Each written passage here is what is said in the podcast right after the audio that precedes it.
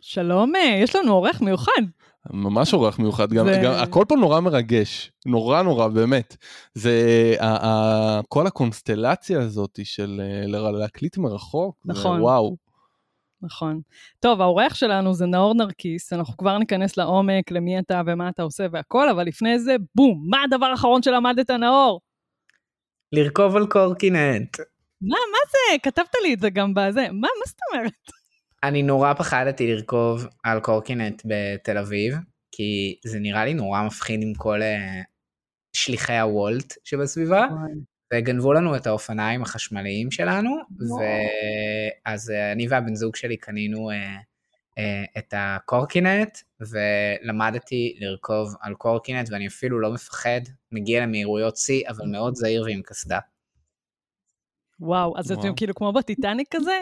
כזה עם ידיים פרוסות לצדדים, ממש לא. ברחבי תל אביב? ממש לא, אה, במקרה שלנו המשקל של שנינו ביחד, אה, לא יודע, הוא מטר תשעים כזה, ולא, זה לא, זה לא עובד, זה, זה, זה למשקלים נמוכים יותר נראה לי. אז אה. כן. יואו, מגניב, את האמת זה, בואנה, זה אישו. יש, יש. זהו, יש ללמוד, יש מה ללמוד, איך זה הולך? אני בחיים לא רכבתי על כל... לא. פשוט עולים על. זה, ולא נופלים, ולא מפחדים. וזהו, אני, אני סתם פעם אחת עליתי וקיבלתי בעיקר כזה של- בברך, אז אה, פחדתי מאז. אה, למדתי גם דברים יותר רציניים, אבל שאלתם אותי מה הדבר האחרון שלמדתי. כן, ברור, ברור, ברור. אחלה, לא, לא, ברור, אנחנו עוד מעט ניכנס לעולם הסופר רציני שלך. טוב, בוא נשים אה, פתיח ונתחיל. יאללה, פתיח. את רינתיה, ואתה, אורן. והפודקאסט הוא פיצוחים. אוקיי, אז אה, נאור, אני ממש מתרגשת שאתה בפודקאסט שלנו. גם אני, אני אני אספר ממש שאני את נאור הכרתי... אורן סיפר לי על קהילת התוכניסטים, שכבר נדבר עליה והכל, קהילה מטורפת, מטורפת. אמ, ואז התחלתי לצלול כזה, וראיתי את השירותים שאתה נותן, ולפני שהקמתי בכלל את לימי, שזה שנה וחצי, משהו כזה, באתי אליך לייעוץ. אתה זוכר? בטח שאני זוכר, נפגשנו אז כשהייתי בלאבס בשרונה, כשטיסות נכון. עוד היו דבר שקורה בעולם וכאלה, כן. נכון, נכון, נכון, ונתת לי טיפים לפנים, לפנים, כאילו, אני, אני ממש זוכרת, זה פשוט הייתה פגישת ייעוץ שהיא לא באוויר, כאילו, אתה בא, טאק, זה אקסל, טק, טק, טק, זה ככה, אני ממליץ לך ככה, אני ממליץ זה, אתה נתת לי את האומץ להכניס מודרטורים, נגיד, לקהילת למידה ארגונית, למי שלא יודע, אה, וכל מיני כאלה, וזה ממש פגישה זכורה לי, ומאז המשכתי לצלול ולעקוב אחריך, ואתה עושה דברים מדהימים. אז נאור, ספר לנו מי אתה. תראי, עוד לפני שאני מתחיל מי אני, אני, אם יורשה לי, גם בפגישה שלנו, את יודעת, מדי פעם אני נפגש עם אנשים, אבל מה שהרגשתי איתך זה שממש הלכת ועשית את זה, כאילו, את do it uh, בטירוף, כאילו, יש אנשים שאת יודעת, אומרים להם את הדברים הנכונים לעשות. והם מתמהמהים, או מתעכבים, או לא עושים את זה, ואת פשוט עלתי, עשית את הכל, הקמת את האתר עם הדרושים, והוספת מודרטורים לקהילה, פיתחת אותה, נכון. כאילו, רצת, רצת, נכון, הלוח מהר. נשים הוא גם אה, הרבה בזכותך. כן. איזה כיף, תודה. חבל שאני לא כזאת בעוד תחומים, אבל בסדר. אז אה, כן, נאור נרקיס, ספר לנו. אוקיי, מי אז אני אעשה את זה? בצורה משעממת, סתם. אמ, אני בן 32, אני גר בתל אביב, בנווה צדק, ואני אוהב להתחיל את הימים שלי די באיזי, אבל אה, זה הכל בא מתוך תפיסה שניסיתי ליצור לעצמי חברה שעושה משהו שאני ממש ממש אוהב, אה, ומה שהחברה שלי, תוכניסט, עושה היום, זה עוזרת אה, לבנות קהילות דיגיטליות. אני היום עוזר אה, גם לארגונים כמו בנק הפועלים, חברת החשמל והכללית, שהם תאגידים גדולים, לבנות קהילות אה, בתוך הארגון, וגם. לאנשים פרטיים שרוצים אה, לבנות קהילה. אני גם מרצה על זה, וגם עושה את זה בפועל עבור אנשים. עזרתי לבנות המון קהילות דיגיטליות בישראל.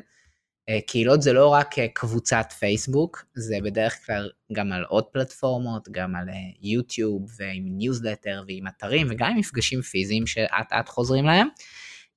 וזה כל מה שאני עושה, אני עוזר לבנות מהמם. קהילות, אני מאוד ממוקד בתחום הזה של בניית קהילות דיגיטליות.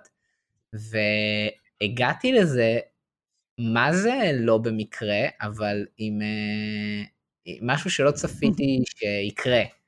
אמ, אני בא מתחום מה קרה? מאוד- ספר לנו מה קרה למי שלא. מכיר את הסיפור. כן. אמ, תראי, אני כזה היום בן 32, אבל כשהייתי בן 18 התגייסתי לחטיבת המחקר באמ"ן, הייתי חוקר מודיעין, ובייסיקלי מה שעשיתי זה כתבתי לשר הביטחון, שהיה אז נראה לי ברק, ולכל השרים בממשלה, מה קורה בכל מיני מדינות רעות שרוצות ברעתנו. אה, וכשהשתחררתי מהצבא בגיל 23-4, הייתי כזה סרן במיל, ושאלתי את עצמי, נאור, מה תעשה אם היה לך אינסוף כסף, ובלי דאגות, וזה לא היה המצב, כן, אבל שאלתי את עצמי מה הייתי עושה, והתשובה שלי הייתה ללמוד שפות ולטייל בעולם. אה, אז לקחתי את הדרכון הצרפתי שלי, עברתי לפריז, למדתי שם צרפתית, אחר כך הייתי קצת בספרד, למדתי שם ספרדית, ואז עברתי לגרמניה וניסיתי להתחיל ללמוד גרמנית, אבל אז נכנסתי שם לסופר, השוויתי בין המחירים שם ובישראל, והקמתי קהילה בפייסבוק שקראו לה אה, עולים לברלין. אה, לא הייתה לי כוונה להמריד את כל אה, בני ישראל לעבור לגרמניה, אבל תוך זמן קצר הקהילה הזאת התפוצצה, ברמה שהיו שם מאות אלפי אנשים, שלא כולם רצו לעבור לברלין, אבל הם אה, התעצבנו על זה שהמילקי בישראל יקר פי שלושה או ארבעה מאשר בגרמניה, ועוד שורה של דברים כמו הנדל"ן. אה, וזה פשוט התפוצץ ברמה שהיו על זה כתבות בניו יורק טיימס, גינויים משרים בממשלה, וכל הדבר הזה עשיתי אותו כשזה היה בצורה אנונימית לחלוטין, כאילו לא ידעו מי אני, אה, בסוף כן נחשפתי וכאלה, ו... אבל זה יצר לי בעיקר בלאגן בחיים, ולא הרווחתי מזה כלום, כאילו לפחות לא כספי באותו הרגע. ואז אה, כשחזרתי לארץ, אה, פשוט הייתי מרוסק לגמרי, לא ידעתי אפילו מה לעשות עם עצמי בחיים. באמת? כן, אני חזרתי, הייתי, קודם כל הרבה חברים כעסו עליי, כי הם לא הבינו שעשיתי את זה בצחוק כזה, או כאילו לא, חלק חשבו שאני כזה ממש נגד המדינה או משהו, ואת יודעת, אנחנו חיים במקום ש... יואו. קאנסל, כאילו, את יודעת, קאנסל קלצ'ר זה מאוד אה, אה, דבר שקורה כאן, ובתכלס, מה שעשיתי זה, תמיד ידעתי לכתוב ממש טוב. ידעתי להעביר מסר בכתיבה, עשיתי את זה גם בתור קצין מודיעין, אה, כשכתבתי מסמכים מודיעיניים, גם מהמם. בתור יושב ראש מועצת תלמידים בבית ספר, וגם כשעשיתי את הסיפור הזה עם המילקי. והבנתי שאם אתה כותב משהו בצורה משעממת, אז לא יתייחסו אליך. ואם אתה כותב משהו שהוא קצת אה, שנוי במחלוקת או קיצוני, אז מתייחסים אליך יותר, ופשוט קראתי לזה עולים לברלין, אה, לא, לא התכוונתי להעביר את אה, כל הישראלים לחו"ל, זה היה יותר משעשע, אבל זה כל יואו, כך גדל במהירות שכבר לא הייתה לי שליטה על המסר. אה, זה קרה בשנת 2014, את יודעת, שנתיים, שלוש אחר כך ראינו את אה, טראמפ עולה לשלטון גם באותה שיטה, כאילו הוא אה, כתב דברים יחסית קיצוניים, וזה Hmm, איך שבנויות רשתות חברתיות, הן מעודדות. חשיפה להתבטאויות שהן לא בקונצנזוס, או מעוררות מחלוקת. וכשחזרתי לארץ אני באמת לא ידעתי מה לעשות, וסגרתי את העמוד. והתבאסתי, אה, ברצינות? כן, אז אין היום? ואפילו לא ידעתי כל כך במה לעבוד, ובמשך חודשיים אפילו הייתי פקיד, פקיד במל, במלון בקבלה, סתם כי נגמר לי כל הכסף, באמת, כאילו לגמרי אמיתי, וזה גיל 25, ובאמת הייתי נורא נורא מבולבל, ופנה אליי מישהו מהמזבלה, זה אתר שסיקר את עולם הפרסום, והוא שאל אותי אם אה, מהמם. מחקו לי את הפרופיל, או אם אה, מישהו עשה, לחץ עליי, או משהו כזה. אמרתי לו, לא, אני הורדתי את זה, אני קצת מיואש, ואני לא כל כך יודע מה לעבוד ומה לעשות. והוא אמר לי, תגיד מה, אתה, אתה מטומטם? אתה ממש מוכשר. אתה יכול לעבוד כקופירייטר במשרד פרסום.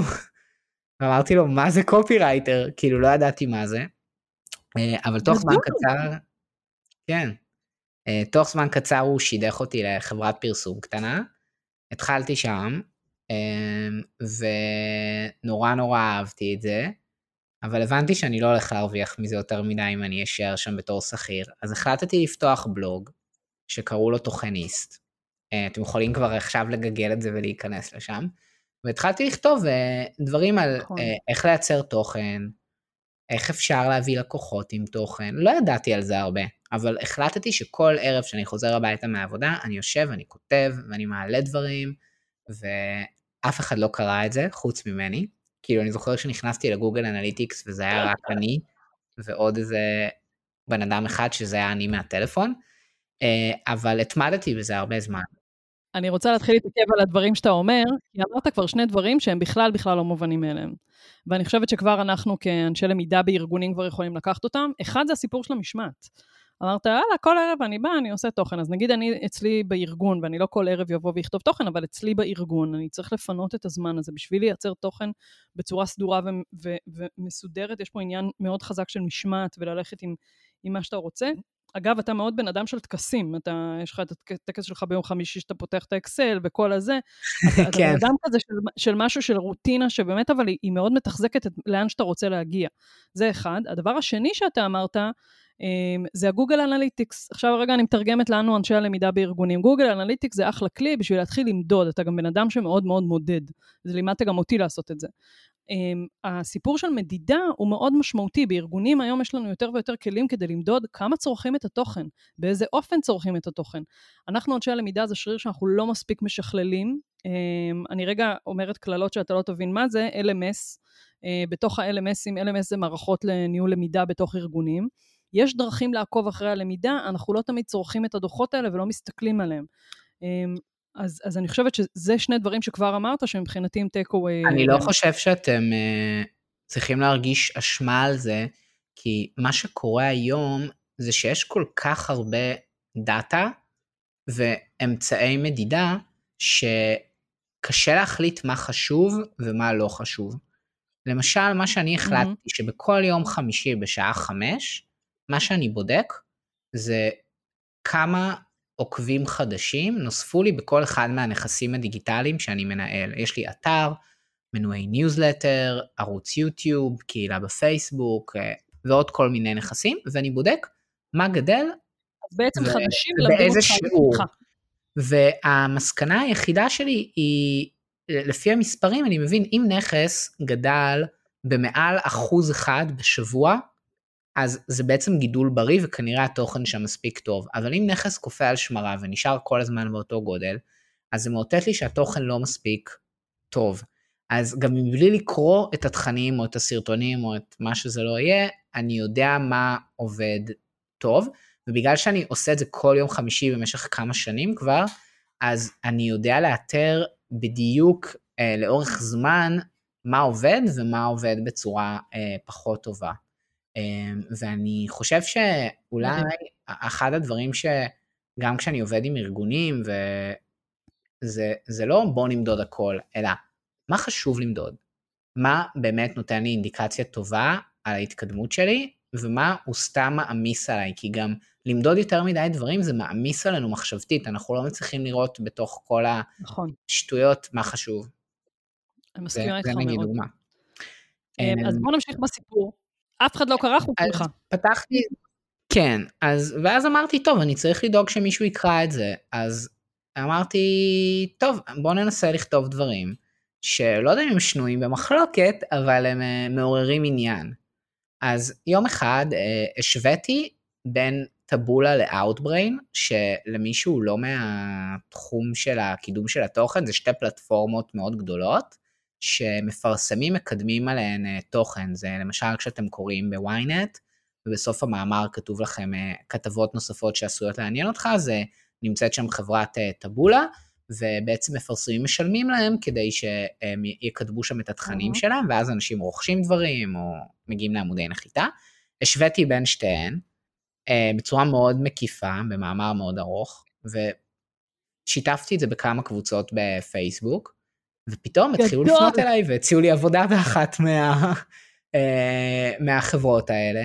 ו, ואני ידעתי, יש תמיד היה בי משהו שאני יודע שאני לא מסוגל להיות שכיר באמת, אז סירבתי לעבוד, אבל הצעתי לעשות איתה משהו בפרילנס, ובכלל בלי לחשוב פעמיים, עוד לא היה לי שום דבר סגור, שום חוזה סכום, התפטרתי מהעבודה שלי במשרד פרסום, ואמרתי, וכאילו כתבתי איזה שני תכנים לא, לאחת החברות האלה, בסכום שזהה למה שהרווחתי במשרד פרסום על זה לחודש, פשוט לקחתי את הסיכון. ואמרתי, טוב, יאללה, עכשיו אני מהגב לקיר, זהו. אני לוקח חודש, אני כל היום כותב רק מאמרים ודברים, ממקד עוד יותר את הבלוג שלי, ואני חייב להשיג עוד לקוח, ו... וכך השגתי עוד איזה לקוח, והצלחתי רגע להשתחרר מלעבוד ב-9 to 5, ו... אה, אה, ולבסס את הלקוחות הראשונים שלי בתור אה, עצמאי.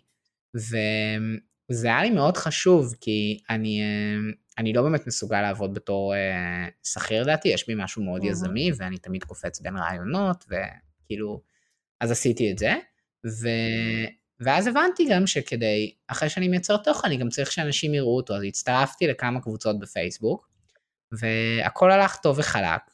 עד שיום אחד הבלוג שלי כבר גדל יותר מדי, וכל המנהלי קבוצות בפייסבוק, שפרסמתי את המאמרים שלי בהם, פשוט חסמו אותי. לא? מהקבוצות, כן, פשוט חסמו אותי, אז... אמ, אז אה, נורא התמרמרתי ואמרתי אוי לא עכשיו אין לי איך להביא אנשים שיקראו את התכנים שלי זה נורא נורא מבאס. אז מה שעשיתי זה פתחתי קהילה משלי. אמ, כן ככה, ככה פתחתי את הקהילה מתוך צורך.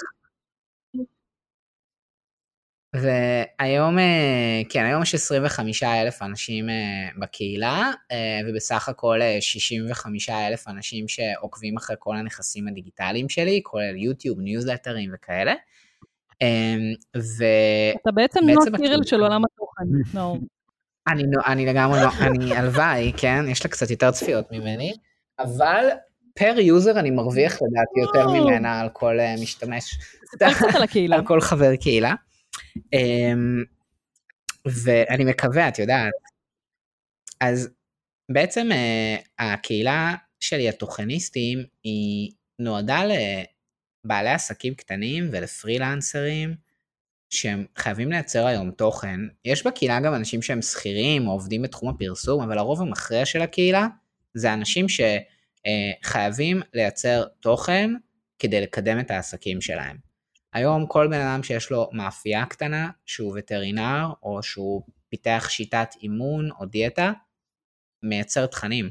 זה יכול להיות ביוטיוב, זה יכול להיות באינסטגרם, זה יכול להיות uh, בלוגים, זה יכול להיות כולם ביחד, והאנשים האלה רוצים ללמוד איך לייצר תוכן יותר טוב, לקבל פידבקים מאחרים, ללמוד איך עושים את זה בתכלס, אה, באיזה מיקרופון להשתמש, באיזה תאורה יהיה הכי טוב לעשות את זה, אה, איך להפיץ את התוכן שלי, איך לחבר בין זה לבין מכירות, והקהילה שלי היא מקום שבו אנשים מתייעצים ולומדים על הדבר הזה. זאת קהילה שהמניע הכי משמעותי של אנשים להיכנס אליה, זה כדי ללמוד איך לייצר תוכן. אני רואה את זה, אני שואל אותם בהתחלה שהם נכנסים לקהילה מה הם רוצים לקבל, והרוב כותבים שהם עצמאים, שיש להם איזשהו עסק, ושמה שהם רוצים ללמוד זה איך לייצר תוכן בצורה שהיא יותר טובה. עכשיו, אני לא יודע הכל. אני לא הבן אדם שמייצר תוכן הכי מושלם בעולם, אבל בקהילה שלי יש מספיק אנשים שיודעים לעזור אחד לשני, וגם זה מאוד מגוון, יש שם אנשים שהם שדרנים ברדיו, כאלה שעובדים בטלוויזיה, כאלה שיש להם אתר אינטרנט, כאלה שחזקים ביוטיוב, וכאלה שממש בהתחלה, והם כולם לומדים, וכל מי שנכנס לקהילה שלי, מקבל מיד חבילה של 40 ומשהו סרטונים ממני, שמסבירים נכון. על כל הדברים שקשורים ליצירת תוכן.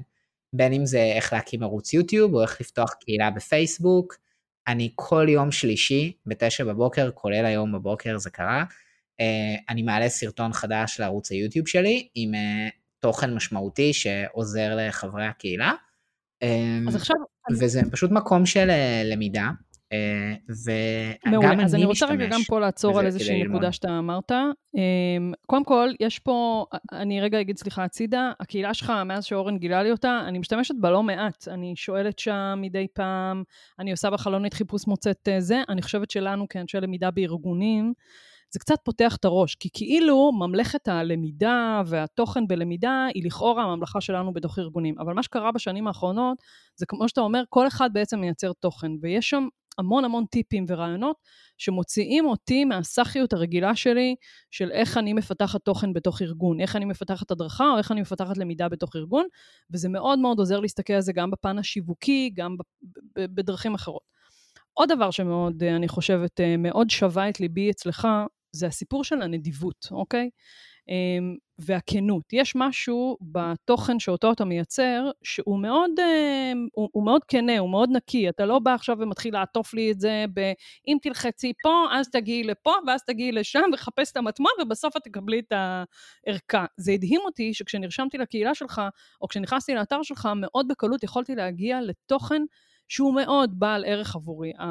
הסרטונים האלה שאתה מדבר עליהם, בעבר זה היה קובץ PDF, גם פה ראיתי את האבולוציה שלך. וואו, כאילו, מדהים. ואני חושבת שיש משהו שאתה, כאילו, מאוד, ואתה בטח תדבר על זה אחר כך בהמשך, לאיך אתה מזקק את מה הקהילה הזאת צריכה, מה אנשים צריכים. אתה מסתכל על זה כמנוף, אתה לא מסתכל על זה כ, mm, איך אני אעשה את הרווח מהערכה הזאת והזאת, ושם אתה נעצר, כי באמת הראייה שלך יותר אסטרטגית ורחבה. וזה פשוט בום, אתה מקבל תוכן לפנים, ש-1, 2, 3, 4, הנה זה, הנה זה, פותח לי את הראש, קחי את הלינק הזה, תעשי ככה. מדהים, הנדיבות, כנות, אה, היא, היא מאוד מאוד חזקה, גם אצלך בקהילה, אני חושבת שהרוח הזאת היא, היא, היא מאוד חזקה, היא מאוד נוכחת בקהילה. תודה, אני חושב שזה זה, זה כן משהו שמאפיין אותי, ואני חושב שיהיה יותר מדויק לומר שזאת החלטה אסטרטגית שהיא כלכלית. כי היום אתם נכנסים לאינטרנט וכמעט כולם עושים את הפורמט הבא, הם נותנים קצת תוכן, טיפה, ואז אתם צריכים להשאיר את הפרטים איכשהו, ואז בסוף מתחילים לנסות למכור לכם בצורה שהיא אגרסיבית, ולפעמים עובד להם ולפעמים לא עובד להם, והם הולכים על חוק המספרים הגדולים. זה מה שאני נתקל בו כשאני נכנס ליוטיוב ומנסים לפרסם לי כמעט כל דבר. בין אם זה שיטת דיאטה ובין אם זה אמ, אה, לא יודע, אה, תהליך קואוצ'ינג או אה, עושר כלכלי והכנסה פסיבית, לא יודע מה. כולם הולכים על אותו פורמט, קצת תוכן, תשאיר פרטים, נרדוף אחריך עד שתשלם. האסטרטגיה שלי היא שונה לחלוטין. היא אומרת, אני אתן לאנשים כל כך הרבה תוכן איכותי, מבלי להגביל אותם, ואני אסגור להם את כל הפינות, שכבר לא יהיה להם נעים, אלא לבוא ולשלם לי. והאסטרטגיה הזאת הביאה לי את החברות הכי גדולות במשק להיות לקוחות שלי. לא סתם בנק הפועלים הגיעו אליי, לא סתם חברת החשמל הגיעה אליי, לא סתם הכללית הגיעו אליי, לא סתם משרדי ממשלה הגיעו אליי, כי התוכן שלי, הדבר הכי לא, חשוב, קודם כל לעזור לאנשים לבצע את מה שהם חיפשו. וואו, זה אה, מדהים, נאור, לא דור וואי בטירוף. כן, אני אגיד לך, אתה יליד איזה שנה אתה? אני דור וואי? אתה, כן, אתה כן? כבר אפילו זד. יש... אמרו לי שאני זד, כאילו, למרות שאני בן 32. בתור מישהי רגע זקיינר בת 40, שאני אוהבת, זה, אני אוהבת ואני קצת לוקחת, כאילו זה, לא יודעת איפה זה שם אותי, אבל אתה כאילו, אתה לא, אתה לא מתנצל על מה שאתה עושה, אתה אומר, חבר'ה, זה, זה הביא לי את הלקוחות הכי זה. עכשיו, אם אני רגע לוקחת אליי, עוד פעם, אלינו, אנשי הדרכה ולמידה בתוך ארגון, אנשים שהם שכירים, ובעצם אני חושבת שאנחנו לא מספיק מבינים שאנחנו משווקים את התוכן בתוך הארגון. אני לא צריכה לפחד להגיד, חבר'ה, זה הביא לי את החטיבה הזאת לעבוד איתי, ואת זאת לעבוד איתי, ואת זאת לעבוד איתי, כי עשיתי 1, 2, 3, 4. זה, זה איזשהו משהו שצריך לאמץ אותו, כל אחד בהתאמות שלו, בזה שלו. אבל זה, זה מאוד מעניין הגישה שלך. אבל אני גם חושב שהיה פה ערך אמיתי, זה לא שהחברות האלה באו ואמרו כי לא נעים לי. אני לא מכיר אה, ארגונים גדולים שאומרים אני רוצה לשלם למישהו כי לא נעים לי כן, ממנו. כי... ה-B2C זה לא נעים, ה-B2B זה אחר. אז אני יכול לומר לך, אני יכול לומר לך שבאחת החברות שזכיתי במכרז שלהן, הם אמרו לי, תקשיב, הגיעו לנו עוד ספקים על התחום של בניית קהילות, יפה, אבל כשדיברנו איתם, הם פשוט דקלמו את כל הסרטונים שלך. כי יש לי ביוטיוב שלי בערך 30 סרטונים שמסבירים על כל שלב באיך לבנות קהילה בתוך ארגונים, מחוץ לארגונים, בחו"ל, בישראל. תקפתי את כל הזוויות האלה, וגם אנשים שפונים אליי כדי לקבל אה, שירות, זה אחרי שהם כבר צרכו כל כך הרבה תכנים ממני, שהם מרגישים באיזשהו לבל שהם מכירים אותי אישית. הרבה פעמים אני מקבל הודעה כזה, I know, אני בדיוק סיימתי לך לצפות ב-15 סרטונים שלך, אני, כן. כבר, אני מרגישה שאני מכירה אותך כבר. ואם הייתי שם מעט תוכן, ואז איזשהו נציג שלי היה רודף אחריהם בטלפון לקנות משהו, זה היה, כן. זו הייתה מערכת יחסים אחרת לגמרי.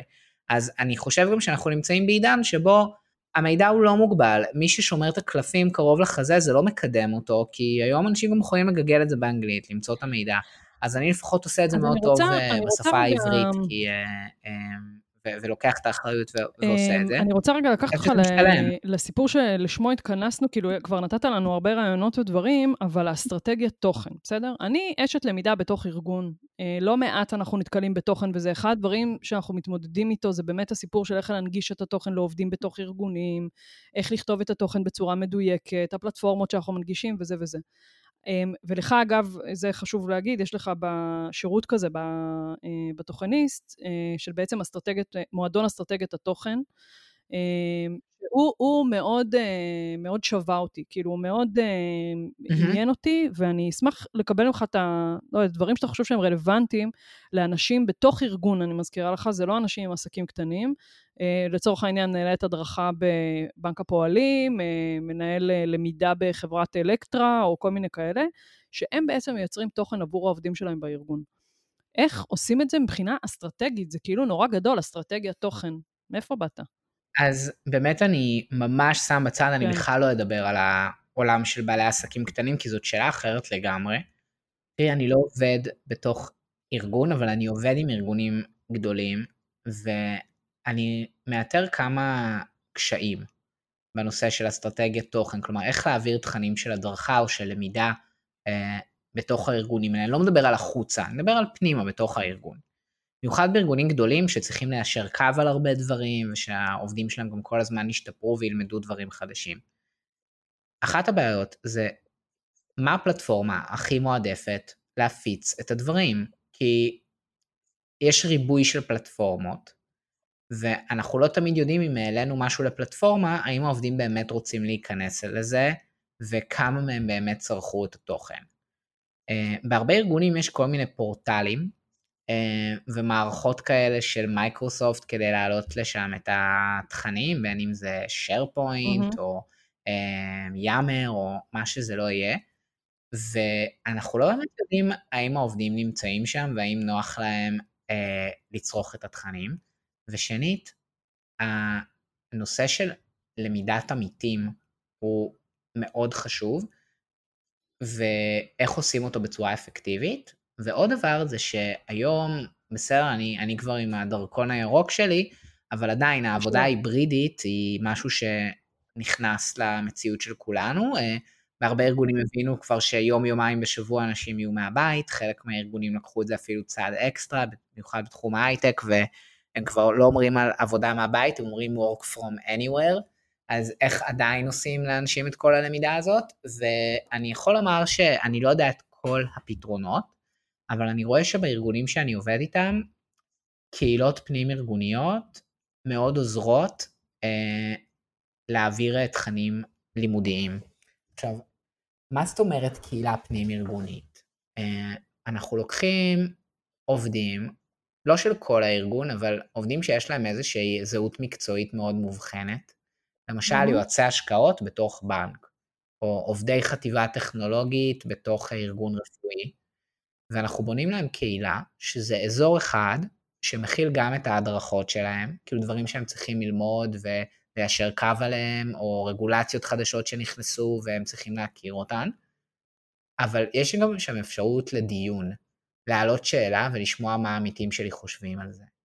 או לשאול מי הבן אדם בארגון שהכי מבין לעשות את זה, כי יכול להיות שהוא נמצא בסניף אחר או בטריטוריה אחרת, אפילו לא בישראל, ויודע לפתור לי את הבעיה הזאת. אה, וגם לשתף מהידע שהם צוברים ביום-יום, בצורה שאחרים רואים את זה. והקהילות נכון. האלה שוברות היררכיה. היררכיה היא לפעמים אפקטיבית מאוד והיא מצוינת, אבל לפעמים היא מונעת למידה. כי אם למישהו שהוא נמצא בדרג אה, נמוך יחסית לא נעים לשלוח מייל בתפוצת נאט"ו עם מה שהוא למד, אז בתוך קהילה זה כן מתאפשר, ואנשים נמצאים בקהילות האלה כי זה קשור היותנו בני אדם. אם אני עכשיו יושב על המחשב שלי של המשרד, נכנס ל-VPN ומסמן וי שקראתי משהו בשארפוינט, זה פחות מלהיב מאשר לשתף משהו שלמדתי ולקבל על זה 20 לייקים ו-50 תגובות מהעמיתים שלי. זה פשוט לקחת את הדברים הרעים נכון. בסושיאל מדיה ולנתב אותם לדברים טובים כשזה קורה בתוך uh, קהילות פנים אני ארגוניות. רוצה להגיד משהו רגע לגבי קהילות. אמ, אז אני, זה, יש לנו, כתבנו אמ, אה, מאמר מאוד מקיף בלימי על, אה, כבר הוצאנו אותו לדעתי לפני שנה או משהו כזה, על ניהול קהילות בתוך ארגונים, והקלטנו גם פרק בנושא עם רות מ-Community Forward, וזה נושא שאני, הוא מאוד מאוד מאוד תופס תאוצה. אני מתרגמת רגע את מה שאתה אומר, ואתה בעצם אומר כזה דבר, קודם כל, בכלל תזהו איפה העובדים שלכם נוח להם ללמוד. אמ, זה שיש מערכת כזאת או אחרת בתוך הארגון, זה לא אומר ששם נוח להם ללמוד.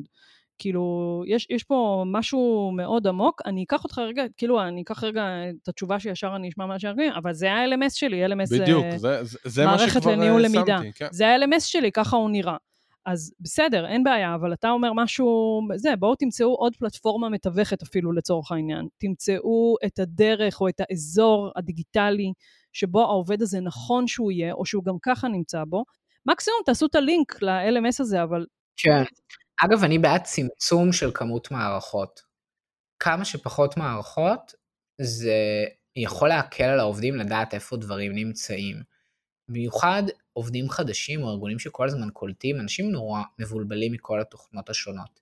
אם במקום אחד הם יודעים שהם גם יכולים לתקשר עם העמיתים שלהם, וגם ללמוד את הדברים החדשים ולדעת שהם אה, up to date, אז זה עדיף על מספר מקומות שונים שכל אחד משלים משהו אה, אה, אחר. אני יודע שבמציאות הארגונית זה לא תמיד אפשרי, אבל לדעתי זה המצב. זהו, ה- לא, אני מסכימה איתך, אני אגיד אפילו שהמצב בארגונים הולך ומחריף מבחינת מערכות, בטח בעולם הלמידה, כי בעולם הלמידה, אם בעבר, כל, והקלטנו גם על זה פרק בפודקאסט עם המנהל למידה של אה, נייס, עם שי, אה, שבעצם דיבר על המשבר הזה של פלטפורמות הלמידה, כי בעצם, אוקיי, סבבה, תחשוב שהיה לך מקום אחד ללמוד בו, וזה המערכת למידה בתוך הארגון, על הכיפאק יופי. עכשיו, אני גם מפנה אותך לקורס ב Udemy, ואוקיי, אתה גם יכול לעשות קורס ב LinkedIn Learning, ולך תעשה, ב, ת, תתחבר לקהילה ההיא בפייסבוק, וכאילו זה כבר יצא מגבולות הארגון, הלמידה, זה הרבה הרבה יותר מורכב, ולכן מה שאתה מדבר עליו, על איזושהי פלטפורמה מתווכת, אה, בשביל אה, לחבר באמת את כל האזורים האלה, ושלעובד יהיה מאוד קל למצוא איפה זה נמצא, ויהיה לו קל לדבר על זה, לתקשר על זה, זה, זה, זה באמת... כן, וזה גם חייב להיות זמין לו גם במובייל. אני רואה הרבה ארגונים, גם מפותחים, ממש נתקעים על זה, שכל הנושא של הלמידה, הוא חייב לעבור איזה 20 מערכות VPN והזדהויות כדי להגיע, כשבתכלס העובדים, הם גם ילמדו מהמובייל שלהם, הם ילמדו מהטלפון דברים אם הם צריכים אותם, וזה גם משהו שהוא אה. טוב, אני, רגע, אני רגע עושה רגע לנו פאוזה. אני אשמח שנדבר על עוד, אה, אני אגיד לך למה, בגלל שהסיפור של קהילות, הוא כבר כאילו כיסינו אותו בעבר, ויש לנו עוד לאן אה, זה, על, ה, על הדגשים שלך לאסטרטגיה. יאללה, בכיף. בואו בוא ננסה סוג של אה, משל כזה. נניח ואתם עם דרכון ירוק, והתירו לכם לטוס לפריז, והגעתם לקניון הכי גדול, ויש לכם אה, בצד אחד אה, חנות אה, של פוקס, ובצד השני יש לכם אה, חנות של גוצ'י, ואומרים לשניכם, תקשיבו, אתם קחו עגלה, מה? תעמיסו מה? שאתם רוצים, אבל אתם צריכים. לבחור באיזה חנות. או בפוקס או בגוצ'י. תעמיסו כמה שאתם רוצים וזה בחינם. לא חייבים למכור את זה, אפשר גם להשתמש. כן. אה, אפשר אוקיי. גם לא, להשתמש. למרות שגוצ'י זה פחות הטעם שלי, אבל, אבל אני זורמת על גוצ'י. כנראה תלכו לחנות היקרה. לואי ויטון מעולה. לואי ויטון.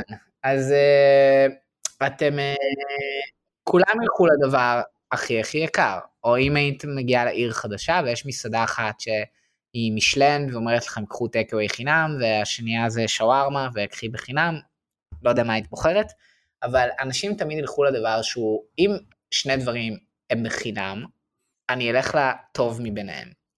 וזה פחות או יותר מה שקרה לעולם התוכן. היום, אם אתם מייצרים תוכן, והתוכן הוא באיכות ירודה, או באיכות בינונית, אנשים ילכו למישהו שכבר עושה תוכן על אותו תחום, אבל בצורה מאוד מאוד מאוד טובה. למשל, קחו נגיד את העולם של אה, סקירות של מהמם. מוצרים, אה, סקירות של האייפונים. יש בחור אחד ישראלי שקוראים לו אלון גרעיני, שיש לו 80 אלף עוקבים ביוטיוב, אולי 90 אלף כבר, וכל סרטון שלו זה הפקה של הלייף. הוא מהמם, הוא עושה עבודה מצוינת. וכל היוטיוברים האחרים ביחד, ש... הישראלים שעושים את זה על אותו נושא, ביחד אין להם עשרת אלפים עוקבים. למה? כי הוא עושה את זה כל כך טוב, שאין לי טעם בכלל לעקוב אחרי מישהו שעושה את זה בצורה בינונית. ומה שקרה לעולם התוכן זה שאם לפני חמש שנים אז היו מעט יחסית אנשים שייצרו תוכן והיה יחסית קשה לייצר תוכן. היום האייפון שאני מחזיק הוא מצלם, מצלם באיכות אה, 4K מטורפת. עם מיקרופון שעולה 500 שקל אני מגיע לאיכות פצצה. אה, כל אחד יכול להקים אתר וויקס בחמש דקות, והוא גם ייראה טוב, ולייצר תוכן זה מאוד מאוד קל. ולכן חסם הכניסה הוא כל כך נמוך, אבל לייצר את זה באיכות גבוהה, זה נעשה קשה יותר. ולכן משהו באסטרטגיית התוכן, הוא צריך גם לכלול כמה אתם תשקיעו בתוכן עצמו. כי השקעה נמוכה בתוכן היא מסתכמת בזה שלאנשים לא מספיק שווה לעקוב אחריכם. רגע, אז אני אעצור אותך לפני שאתה ממשיך לעוד דבר. סליחה, אני אעצור אותך רגע, ואני אגיד, אם אני רגע מתרגמת את זה עוד פעם לתוך ארגונים, בסדר? אני חושבת ש... שוב, בתוך ארגון, לכאורה, אם אני זה שבא עם התוכן, כאילו אין לי מתחרים. בסדר? כאילו, אני הארגון, אתה חייב ללמוד דרכי, דרך המערכת, זה הדרכה רגולטורית, לא משנה מה, אתה חייב, אבל אני חושבת שבדיוק מה שאמרת עכשיו, הוא ממחיש את עד כמה יש לי מתחרים בתוך הארגון, אני מחלקת ההדרכה בארגון, בסדר? כי בסוף כל מומחה תוכן היום יודע, מומחה בתוך הארגון יודע לייצר תוכן איכותי, טוב, ילכו אליו, ייצרו, ה- ה- השטח ייצר הדרכות ותוכן לבד, הוא לא יפנה אליי, זה אחד, וגם מבחוץ, מבחוץ הרי יש מלא מקומות שבהם עובדים יכולים ללמוד והכול. אני חושבת שהחוכמה פה שלנו, האנשים שמפתחים למידה בתוך ארגון, היא של המקצוענות שלנו בלקחת תוכן, לפרק נכון. אותו כמו שצריך, לסדר אותו כמו שצריך, ואולי אפילו בהכשרה ולתת את ה... זאת אומרת, פחות להיות האונרס של התוכן, אלא לעזור לתת פלטפורמות, למנף את התוכן שלכם, העובדים, שלכם, מה שקורה בחוץ, בצורה מאוד מאוד טובה ואיכותית. לעודד את יצירת הלמידה. יפה. זה, זאת ממש נקודה נכונה. כי את, את מתחרה פתאום גם באנשים בתוך הארגון. למשל, יש לפעמים הרבה ארגונים שכל מיני עובדים בצורה עצמאית לחלוטין, מתחילים ממש לטפח את הלינקדינים שלהם, לייצר תכנים מאוד טובים על דברים שקורים בתוך הארגון וכאלה. ואז פתאום אם יש איזושהי הדרכה שהיא נראית כזה מאוד מיושבת וכאלה, אז לא מתייחסים אליה ברצינות, היא לא רלוונטית, היא לא... כן יש מתחרים כאן. Uh, עכשיו, הדבר השני שאני מסתכל על תוכן זה עקביות. אני מכיר מעט מאוד פודקאסטים שאהבתי אותם מהפרק הראשון או השני שלהם, אבל יש הרבה פודקאסטים שאני עוקב אחריהם וגיליתי אותם בפרק החמישים שלהם, או בפרק השישים שלהם. וגם הערוץ יוטיוב שלי, הוא, uh, הקצב גידול בו הוא הולך ונהיה מהיר יותר. למה? כי אני מאוד עקבי, אני כל שבוע ביום שלישי עושה, גם אם התכנים שלי לפעמים הם בינוניים, ואני מסתכל על התכנים שלי, חלק מהם לא מדהימים, אבל כל שבוע ביום שלישי אני עושה, וזה יוצר זכירות, ואנשים יודעים שנאור הוא זה שעושה את התכנים על הקהילות. כל שבוע הוא עושה משהו חדש, וזה עד שאני אתקוף את הנושא הזה מכל הזוויות שלו. אתה יודע מי הדוגמה הכי טובה שלי לזה? אה, כפרה על שחר גימל חסון. נכון. גימל יפית יוצרת תכנים? לא יודע, אבל כאילו היא באמת לא, לא, במשך שנים עשתה חסון. פינה כזאת, שאם היא הייתה עושה את זה רק פעם אחת, זה היה נראה נורא מגוחך, אבל בפעם האלף אני מאמין לה. אז... אה, הנה, שחר חסון, אני כבר כל יום חמישי מחכה ל... מחכה להק- להקלטה, לג'חנון כן. התימני שידבר, כפרה. עליו. ל- לייצר והוא אגב הרגל, גם מעלה לייצר תכנים הרגל. בכמו- באורך מאוד גדול, נכון. כאילו זה גם מאוד מפתיע בעולם הזה, כן. כי כאילו הוא יכול היה להגיד, מה אם אה, אם יצפו בי לא יבואו להופעות שלי, והנה, ובכל זאת הוא אנשים דוגמה מגיעים. מצוינת, הוא דוגמה מצוינת בעיניי. אז אתה אומר ככה. זוכרים אותו, ואז אה, ארגון העובדים של זה מזמין אותו. אה, זה, זה ככה עובד, לתת כמה שיותר.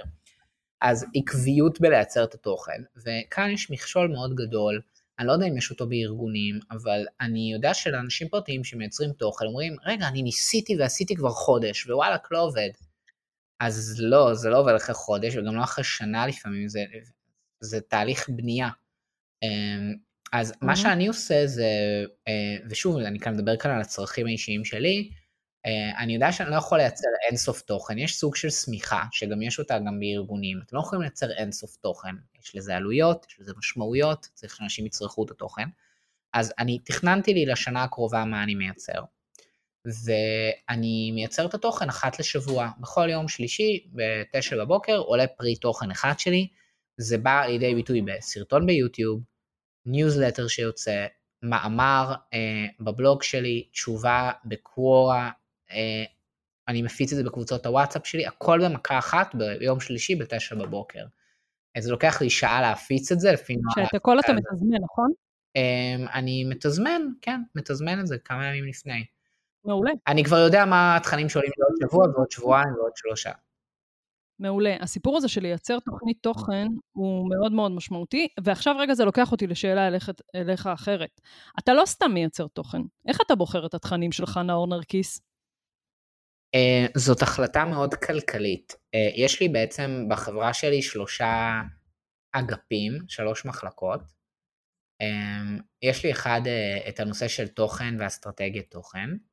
יש לי את הנושא של קהילות דיגיטליות, ויש לי את האתר של העובדים שלי, שיש לי אתר של חיפושי עבודה שבניתי לקהילה שלי, בעצם אנשים שהם בתחום התוכן ומחפשים עבודה, יכולים להיכנס לאתר התוכניסטים ולמצוא, ואנשים משלמים על זה גם מנוי חודשי.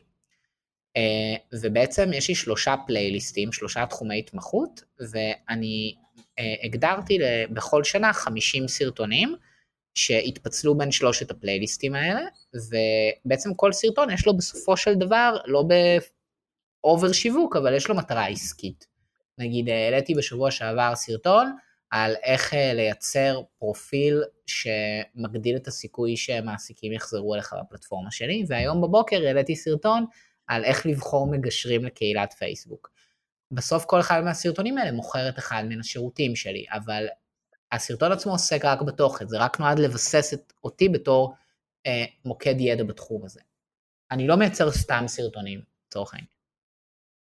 אחלה, ידעתי את זה, בגלל זה שאלתי, אבל יש לך גם עוד, אה, זה אתה למשל לימדת אותי, אה, ולא רק אתה, זה דובר גם לא מעט, זה דובר לא מעט בעולם הקהילות, גם יוני צוק, כל מיני אנשים שמתמחים בתחום הזה, בעצם מדברים על רגע, תראה מה הקהל שלך בכלל צריך. זאת אומרת, גם פה אתה עושה איזשהו ניתוח. לגמרי, לגמרי. תראי, אני עושה ניתוח שהוא, אה, את יודעת, אנחנו עכשיו נמצאים בתקופת בחירות, ויש אה, סקרים שמתפרסמים אה, חדשות לבקרים. והסקרים הם לא נערכים על מיליונים של אנשים, יש איזה 500, 600, אלף אנשים שעונים על סקר, ואחר כך הסוקר אומר לך בביטחון רב שהמפלגה mm. הזאת שווה ככה וככה, והוא עלה והוא ירד והוא באזור מסוכן.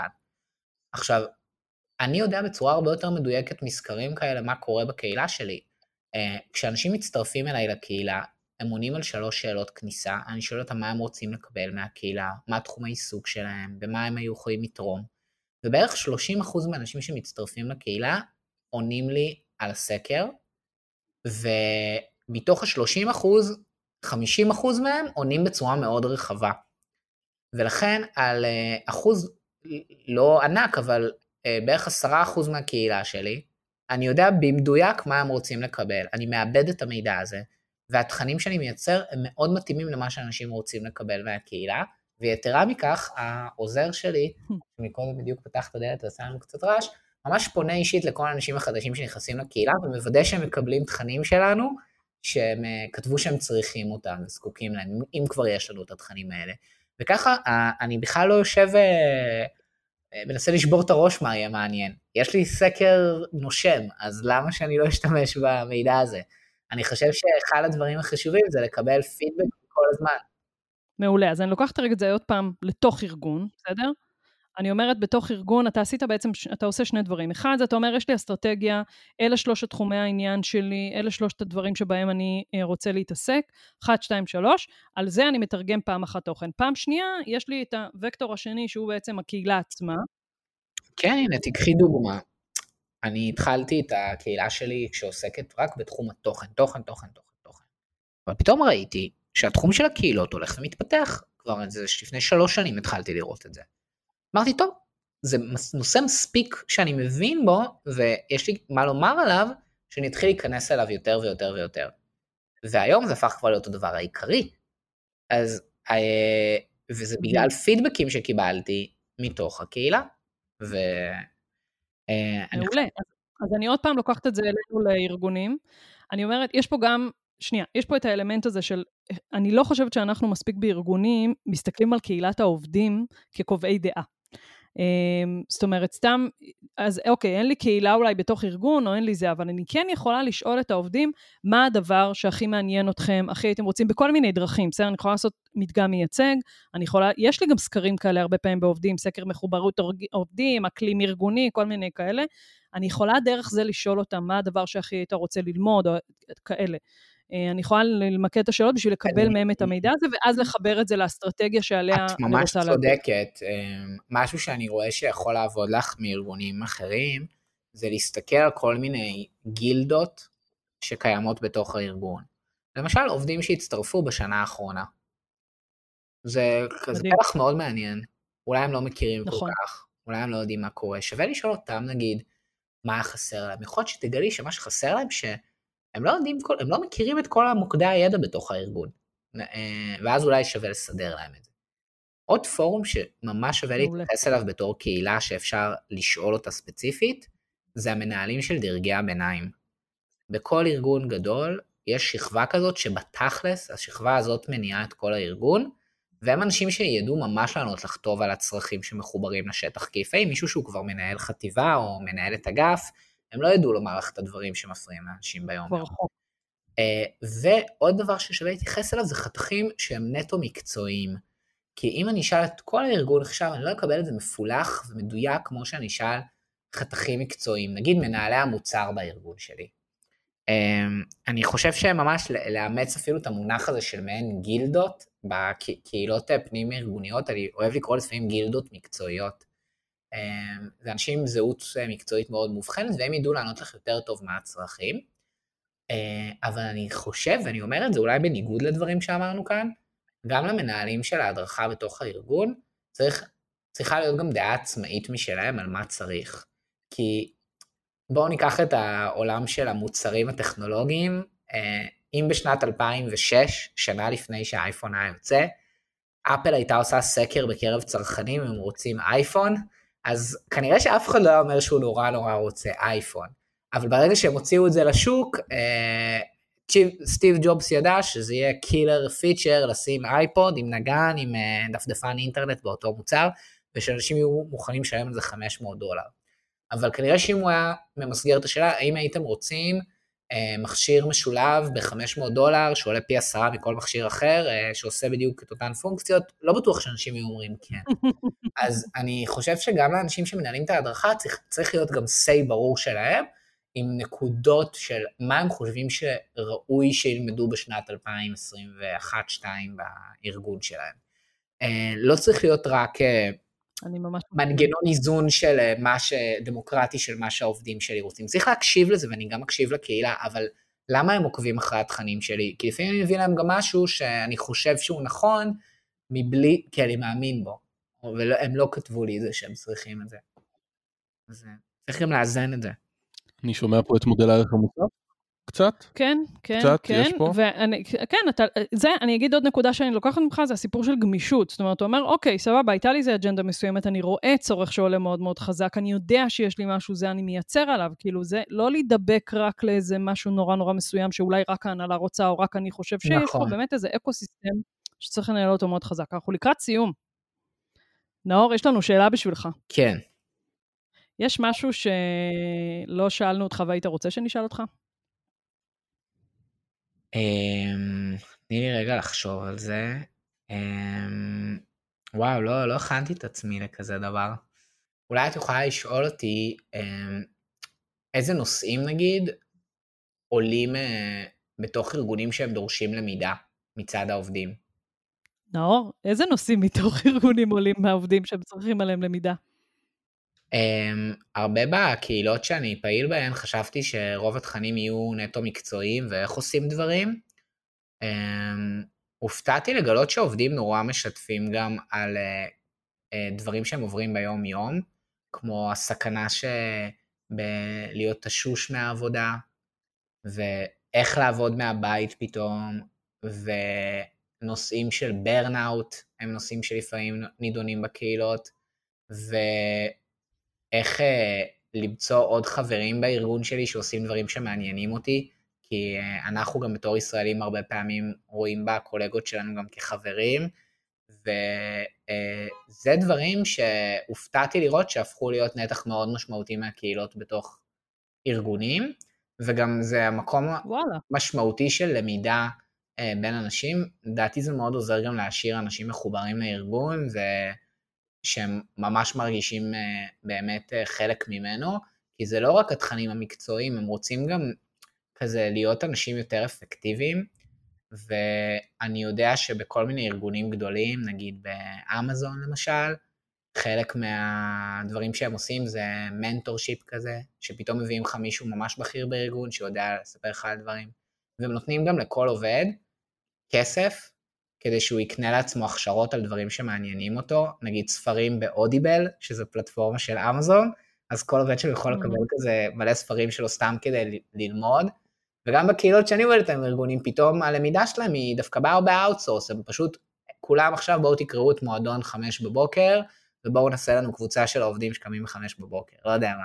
וזה כן. גם למידה, כאילו, לדעתי, של קישורים בתוך ארגון. וזה... מגניב. לא אחלה, זווית שלו. זה, זה הדברים.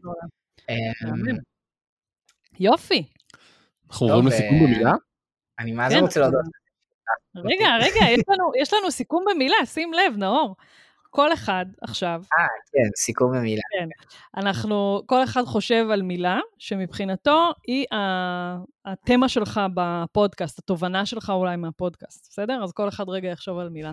מסכמים במילה. לי יש מילה. תמיד לך יש מילה קודם. כי אני חושב על זה קודם, אני, כבר אה, מתורגל. אני פה עסוקה בלהקשיב. את לגמרי, לא, אני גם הקשבתי, אל תגידי יודעת, ככה. אני יודעת, אני צוחקת. אה, טוב, כן. תגידו את המילים ואני תוך כדי. טוב, אז המילה שלי אה, זה סגמנטציה. למה סגמנטציה? כי אני מרגיש שנאור דיבר על זה, ו... ו... ואני חושב שקצת אולי ברחנו מזה, ובדיוק אתמול הייתה לי אה, פגישה עם לקוח בנושא הזה. הם אה, רוצים אה, לשווק את אה, מערכת ה-LMS, שהיא יחסית חדשה בארגון, בערך שנה, שנה וחצי, והם רוצים לשווק אותה, או, ואז, ואז התחלנו לדבר האם צריך ללמד איך משתמשים במערכת ולקחת את זה למקומות של סרטון סמן, או ללמד, או לשווק, או לגרום לאנשים חדשים להיכנס. ו... ואני חושב שנאור נגע בנקודה הזאת של לדעת לפלח את העובדים. מי מתאים למה, ואיזה תוצר מתאים למה. סיפרתי את הסיפור הזה כי בעצם הבנו שלעובדים חדשים צריך סרטון שיווקי ולעובדים הקיימים אולי טיפה how to אה, ולכיוון הסרטון סמן, אז הפילוח הזה, הסגמנטציה של כל אה, תוצר שאנחנו מפתחים, או על האיזון הזה, שכל תוצר אנחנו רוצים מצד אחד שהוא יתאים לכמה שיותר אנשים, ומצד שני כן לייצר איזשהו, אה, נכון? אה, אה, התאמה. התאמה לפלח המסוים הזה. מגניב. כן. יאללה, נאור, מה שלך? שלי זה התמדה.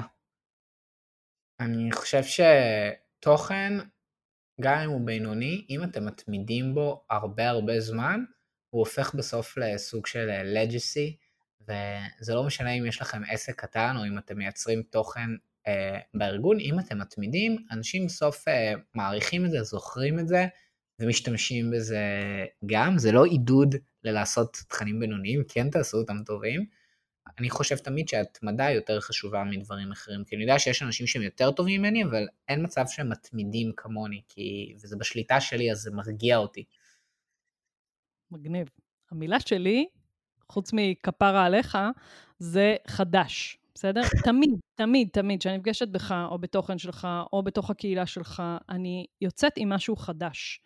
תמיד. וזה תענוג, כי אני חושבת שבעולם המקצועי שלנו, אנחנו גם נורא, אתה יודע, מדברים את המודלים שלנו, את הזה שלנו, את הזה, ופתאום בא מישהו מעולם שהוא אחר משלנו, לכאורה, למרות שיש לנו מכנה משותף מאוד מאוד רחב, והוא התוכן, שזה פשוט מחדש לי, מחדש לי את הדרך הסתכלות שלי על הדברים של תוכן ולמידה בתוך ארגון. זה מחדש לי, שלא לדבר עליי כבעלת עסק אה, קטן, אה, שאתה מדבר אליי גם אה, רינתיה כבן אדם, ולא רק בכובע שאני חובש את הכובע המקצועי בזה, שלא לדבר עליי כמנהלת קהילה.